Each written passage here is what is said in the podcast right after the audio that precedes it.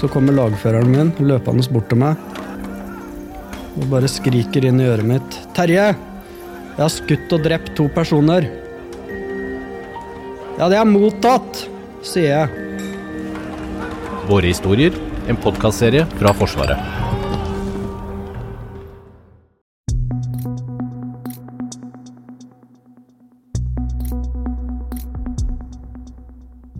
Akkurat nå fjerner Forsvarets eksplosivryddere mer enn 1000 gamle og livsfarlige granater på et område der det skal bygges nye næringslokaler. Rundt omkring i Norge ligger det fremdeles tonnevis med udetonerte eksplosiver, og hvert år rykker Forsvaret ut mellom 400 og 500 ganger for å fjerne denne ammunisjonen. Det er mer enn ett oppdrag om dagen, det. Vi skal få være med eksplosivryddertroppen når de skal inn og grave fram de gamle eksplosivene. Og ikke minst få være med når granatene skal sprenges etterpå. Du hører nå på Forsvarspodden. Jeg heter Lars Hallingstorp. På Raufoss skal det bygges nye næringslokaler. Men nå har det vist seg at dette området er et gammelt skytefelt. Bakken er derfor stappfull av gamle granater og ammunisjon. Til å fjerne de livsfarlige granatene er Forsvarets eksplosivryddere henta inn, og vi har fått bli med inn i feltet. Men siden bakken er så full av granater, lurer jeg på hvor trygt det egentlig er å trå rundt her inne. Jeg spør Forsvarets fagekspert Reinar Skøyen. Uh, ingen steder i Norge kan man være 100% sikker på at alt er helt trygt. For uh, etter krigen så ligger det jo fortsatt masse igjen ute i naturen.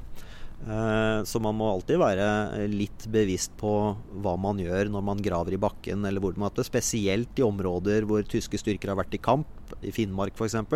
Eller i områder hvor det blei bombet under krigen, de store byene som blei bombet i tur og orden av tyskerne, amerikanere og britene så det vil alltid være en risiko forbundet med det i naturen. Så klart i noe større grad selvfølgelig sånne skytefelt som vi nå er i. Uh, hvor rest, det vil alltid være en restrisiko. og det er jo hvor metodiske vi er i søket som gjør hvor stor denne risikoen er, og hva vi kan da definere som en akseptabel risiko for tredjeperson i ettertid. Men vi vil aldri garantere et slikt felt som dette 100% trygt for eksplosiver. Ei av de som rydder her inne, er Pernille Pedersen. Hun er utstyrt med hjelm og splintvest, og søker over sin del av området med en minesøker. Og foreløpig har du funnet mye i bakken her inne. Enormt mye. Hva er vi på nå? Vi er vel på snart 1000 objekter. Begynner å nærme seg. Forventer du å finne mye mer? Ja, det, det er et stort område her, så vi skal ha et godt stykke igjen med klarering. Nå peip det jo her sånn. Du, nå ser jeg her nå at det ligger en en annen form for objekt. Det bare peller det ut? Ja, den lå ganske greit i rekkevidde. Så det, det her er jo da tuppen av en granat. Skal da tennmekanismen sitte foran her. Så den er trygg å bare ta ut sånn som det nå? Eh, man skal håndtere det forsiktig absolutt. Men eh, vi må flytte det ut. Så da er det bare å ta de forhåndsreglene vi kan, og flytte det så forsiktig som mulig. Nå har det gått over 60 år siden skytefeltet her på Raufoss var i bruk, og siden den gang har området blitt en skog, med røtter som har vokst seg over og rundt granatene. Det gjør jo ryddejobben ekstra krevende. Granatene hadde rett og slett vokst inn i røttene. Så er det jo ekstra hårfint å sitte og sage ut eh, trær, da, men med projektiler inni. Men det må jo gjøres. Vi må jo til. Ja. Hvordan går dere fram da? ja, håndsag, rett og slett. Håndsag og bare forsiktig sage seg fram. Når jeg ser rota går jo hele veien opp, og skal man jobbe seg videre inn, så må man jo Rota må bort. Hva forventer du å finne nedi her, da? Hvor stor er en fisk? Det, nei, det er hva vi har funnet uh, før òg. Eksplosivryddertroppen hører til ved Forsvarets ammunisjons- og eksplosivryddeskole. Hvert år får Forsvaret enormt mange oppdrag. Fra politiet så mottar Forsvaret et sted mellom 400 og 500 bistandsanmodninger årlig. eh, for rydding av eksplosiver og eksplosive etterlatenskaper, ammunisjon, eh, sprengstoff, eh, sånne ting. Eh, og av de så løser nok eh, ammunisjons- og EOD-skolen, eh, altså EOD-troppen ved Forsvarets ammunisjons- og EOD-skole, løser nok en, et, et hundretalls av de i året. Når Skøyen snakker om EOD-troppen, så er det den engelske forkortelsen for en eksplosivrydder han mener. Og det står for Explosive Ordnance Disposal. Og det de finner, er alt mulig av eksplosiver. Eh, og det, det er alt ifra ja, artillerigranater, håndgranater, uh, sprengstoff. Så du kan tenke deg at uh, du har hatt en, en, en, en far eller en bestefar som har jobba i Forsvaret, som har tatt med seg noen suvenirer hjem, og så, så dør han eller går bort. Og så skal da de som sitter igjen rydde opp etter dem, og så, så snubler de over da en artillerigranat eller en håndgranat på loftet. Eh, og det må da noen håndtere, for da vet vi ikke heller tilstanden på den, om den er skarp eller om den er kald, og hvilken trussel den potensielt utgjør. Men Hvordan er det dere får eh, vite om disse tingene? Nei, da, eh, Vi får ikke vite om det annet enn via politiet. For det de da skal gjøre, når de kommer over noe sånt hjemme, eller på uthuset, eller på hytta, eller det, hvor det nå måtte være, eller om så ute i naturen, så, så er det jo da å ta forbindelse med politiet. Eh, Og da er det politiet som ber Forsvaret om bistand for å håndtere eh, disse objektene. Og da kommer de jo ned gjennom kommandolinja ned til, til oss, og så sender vi da ut et eh, lag for å håndtere det. Det Skøyen sier her, er viktig. For det er altså politiet du skal ringe om du kommer over noe du tror kan være et eksplosiv. Det, verste du kan gjøre, det er jo å finne noe eh, som du ikke vet hva er. Eh, slenge det i bilen, kjøre en eh, halvtimes tid til nærmeste militærleir eh, og, og dukke opp i vakta med det. Da har man generert et problem. Eh, for, for det første så vet jo ikke vakta som tar imot dette hva det er og hvor det kommer ifra, og tilstanden på det, ikke minst. Og de har heller ikke fagkompetanse på dette. Eh, Og så utgjør det også en trussel i forbindelse med at du har det i bilen din. eh, Og du vet jo aldri hva som kan skje under transport, om du kjører av veien, om du blir påkjørt bakfra, om du kolliderer. Og da vil jo det utgjøre en ekstra risiko i den forbindelse. Og skulle mot all formodning, gud forby, bilen ta fyr, og du har en artillerigranat eh, i bilen, så vil jo den, hvis den er skarp, detonere. Eh, Og påføre ganske stor eh, livsfare eh, overfor de da som eventuelt skal komme brannvesenet skal komme og slokke bilen, enn de som er involvert i trafikkulykken. Så, så det er ikke måten å gjøre det på. Nei. Og vi ser dessverre en del slike tilfeller, da. Ja, for hva, hva er det dere hva er, det, du eller dere ser at som fins der ute, som folk har hjemme seg? Åh, ja, det, det er alt. Det, det er alt mulig rart. Det er fra håndvåpenammunisjon fra 1800-1900-tallet og fram til i dag. Eh, Det er håndgranater eh, fra Milorg-gjengen. Det er eh, artillerigranater som noen har funnet ute i skogen. Det er artillerigranater som noen har snausa med seg hjem fra militærtjeneste. Det er knallskudd, varslingsbluss, lysraketter, dynamitt. Etter, på, typisk på, på bondegårder, hvor det tidligere var lov til å kjøpe dynamitt etter avtale med lensmann, og så kunne man sprenge stubber og stein. Og når det blir liggende lenge, så utgjør det en kjemperisiko, for det, det, det over tid så vil det degenereres, og, og nitroglyserin svetter ut og sånne ting, og blir ustabilt. Uhåndterbart. Eh, Så, så det er absolutt alt som kan smelle, da, som vi, vi snubler over. Og det verste, det vi ser med, med størst som den største risikoen i dag, det er metallsøkere og magnetfiskere. Magnetfiskere. Ja, altså folk som slenger ut en magnet i ei elv eller et vann i håp om å finne noe spennende. Eh, og så drar de opp ammunisjon, bombekastergranater, håndgranater, artillerigranater som er dumpet i vann. Noen går konkret etter slike gjenstander også. Eh, og når du har en magnet som kan løfte ja, opp mot eh, 80-90-100-120 kilo, eh, og du får da eh, eh, funn da, av en artillerigranat eller en be- bombekastergranat som da suges mot denne magneten med stor kraft, så kan det i verste fall føre til en full detonasjon. Eh, og mitt inntrykk eh, i dag er at eh, det, det er kun flaks. Det er kun flaks, og jeg skjønner ikke at det ikke har skjedd ennå, at det ikke har smelt. med potensielt tap av menneskeliv. Det, det er min store bekymring at det skal skje. Og når jeg ser på nettet på alle disse foraene hvor folk driver med metallsøking og, og magnetfiske, så er det mange der ute som med manglende og varierende fagkunnskap uttaler seg om hvordan dette skal håndteres og hva som skal gjøres og ikke gjøres. Det sagt, det er veldig mange der ute som er veldig tydelige på at hvis man finner ammunisjon, så skal man la det ligge og ringe politiet. Og det er den eneste riktige måten å gjøre det på. Eh, pot potensialet for eh, alvorlig personskade og død er i høyeste grad til stede når man graver opp gammel ammunisjon som ligger ute i naturen. For den kan være skutt, og det være en blindgjenger. Og da er de særdeles farlige. Eh, eller det kan være dumpet, og da vet man heller ikke tilstanden på det. Uh, så uh, for guds skyld, bare la det være, og meld det inn. Og grav det i hvert fall ikke ned igjen, sånn at andre kan snuble over det senere. Hva, hva er det hva er det rareste dere har funnet, eller kanskje bedre stille, hva er det som har sjokkert deg mest? Ja, uh, ja Hvor skal jeg begynne hen? Nei, det er jo det, det, det, aller verste Ja, det som kanskje har sjokkert mest, det var når vi var uh, og fant uh, en gammel seilbåt så fant vi eh, artillerigranater, skarpe artillerigranater som ballast.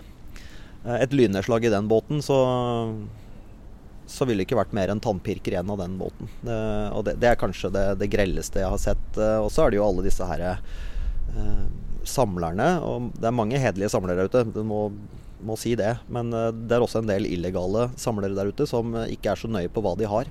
Og de utgjør en trussel når man har store mengder ammunisjon og eksplosiver i boligfelt.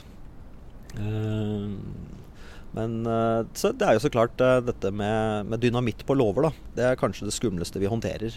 Fordi det er så ustabilt. Det skal så lite til før det kan gå galt. For å bli eksplosivrydder kreves det en utdanning på fire år. Og de som utdannes, er spesielt selekterte. Ute på oppdrag er fortløpende risikovurderinger noe av det viktigste en eksplosivrydder gjør. Eh, og deri ligger også det litt skumle når folk observerer hva vi gjør, gjerne fra avstand. For de ser vi plukker opp noe, og så oppfatter man ikke, gjerne ikke det aspektet av risikovurdering, identifisering og gjenkjennelse. Så to objekter som ser helt like ut, kan ha to helt forskjellige tilstander. Den ene kan være trygg å håndtere, den andre kan være livsfarlig. Eh, så, det, er, derfor vi alltid sier at eh, uansett hva du finner, så skal du la det ligge i ro. Og heller ringe ekspertisen for at de skal håndtere det.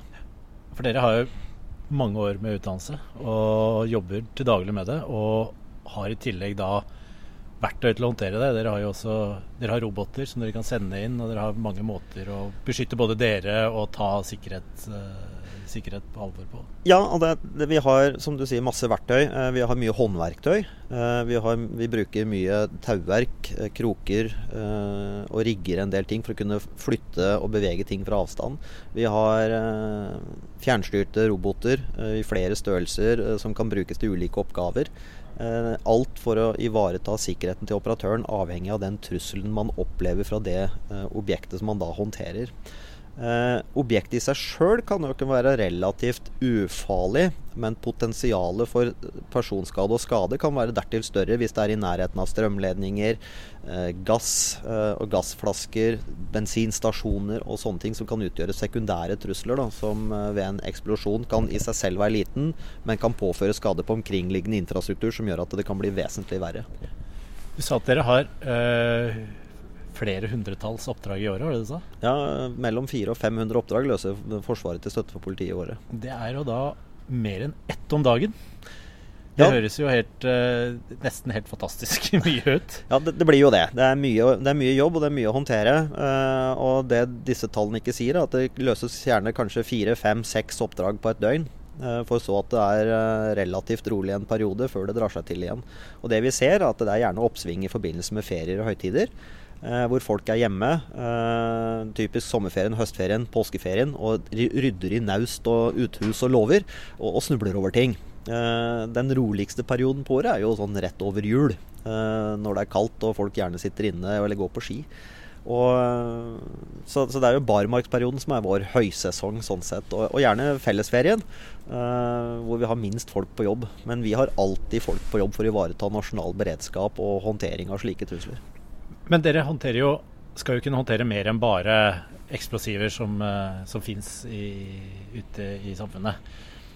Dere har jo også andre eh, sider av faget som dere også må kunne. Altså, da tenker jeg mer på eh, kjemisk våpen uh, og osv. Kan du fortelle litt om det? Ja, uh, uten at vi skal dra det for langt inn i de graderte sfærene. Uh, for det blir det fort når vi begynner å snakke om, uh, om, om håndtering av biologisk og kjemisk ammunisjon. Men dere må kunne det?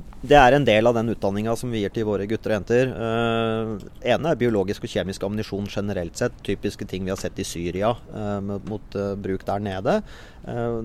Sånne ting de må kunne håndtere. Men de skal også kunne håndtere terrorbomber med kjemisk, biologisk og og radioaktive virkestoffer. Eh, så det er en del av utdanninga vi gir til våre eksplosivryddere. Det er korrekt. Ja, Så fagfeltet er egentlig enormt? Fagfeltet er enormt. Og, det som er litt av ulempen eh, innenfor vårt fagfelt, er at de skal kunne beherske alt fra rundkuler skutt på 1500-1600-tallet og til de mest avanserte dagens missiler.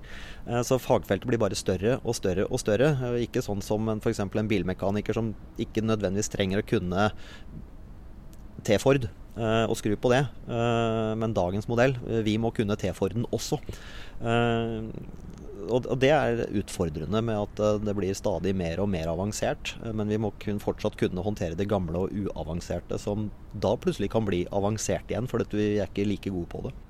Dere brukes vel også i mer militære operasjoner òg? Ja da. Eh, de aller fleste hos oss har tjenestegjort i internasjonale operasjoner. Det være seg Irak, Afghanistan eh, eller andre steder. Eh, noen begynner å dra såpass på at de også har vært på Balkan.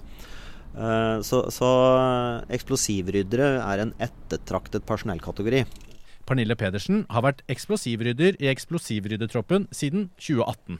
Så det er jo en risiko i alt vi driver med. Men det er jo kanskje det man sitter igjen med, at man gjør en, en stor nytte for samfunnet, da. Vi, vi, rydder opp, og det er jo på en måte Vi rydder jo opp etter oss selv, kan man si, da. Det er jo på en måte forsvarsammunisjon som vi er ute og rydder. Det er jo ekstremt givende. Det er det. Og Forsvaret har blitt mer opptatt av å rydde opp etter seg. Gamle, nedlagte skytefelter er en av de tinga vi driver mest med eh, utenom eh, å støtte politiet. Eh, for å håndtere det som da ligger ute som miljøsynder, rett og slett. Hvordan begynner man da? Ja, det er som å spise en elefant. Man begynner med en bit om gangen. Da, da må man bare finne en startlinje, og så må man begynne å søke seg innover med de metoder man har. Manngard, metallsøkere, mineprodder etter hvert for å få avdømt de enkelte metallutslag.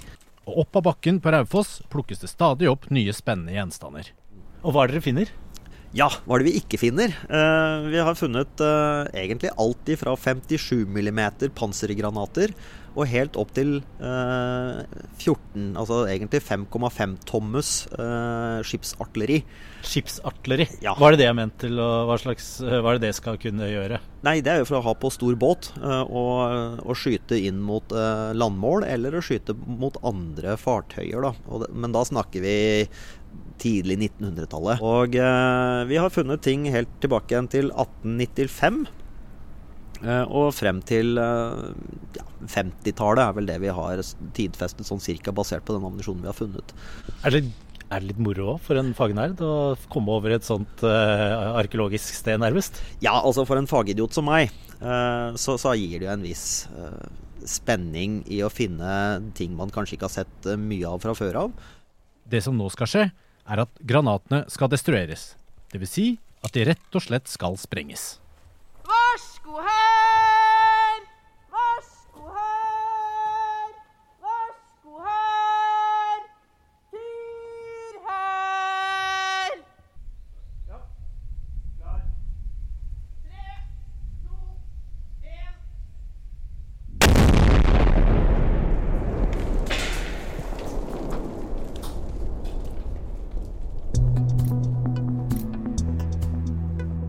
Du har hørt på Forsvarspodden. Hvis du abonnerer på oss, får du nye episoder rett på telefonen din. De som lager Forsvarspodden, er Jørgen Lyngvær, Ragnhild Fjellro, Thomas Haraldsen, Hege Svanes og meg, Lars Hallingstorp.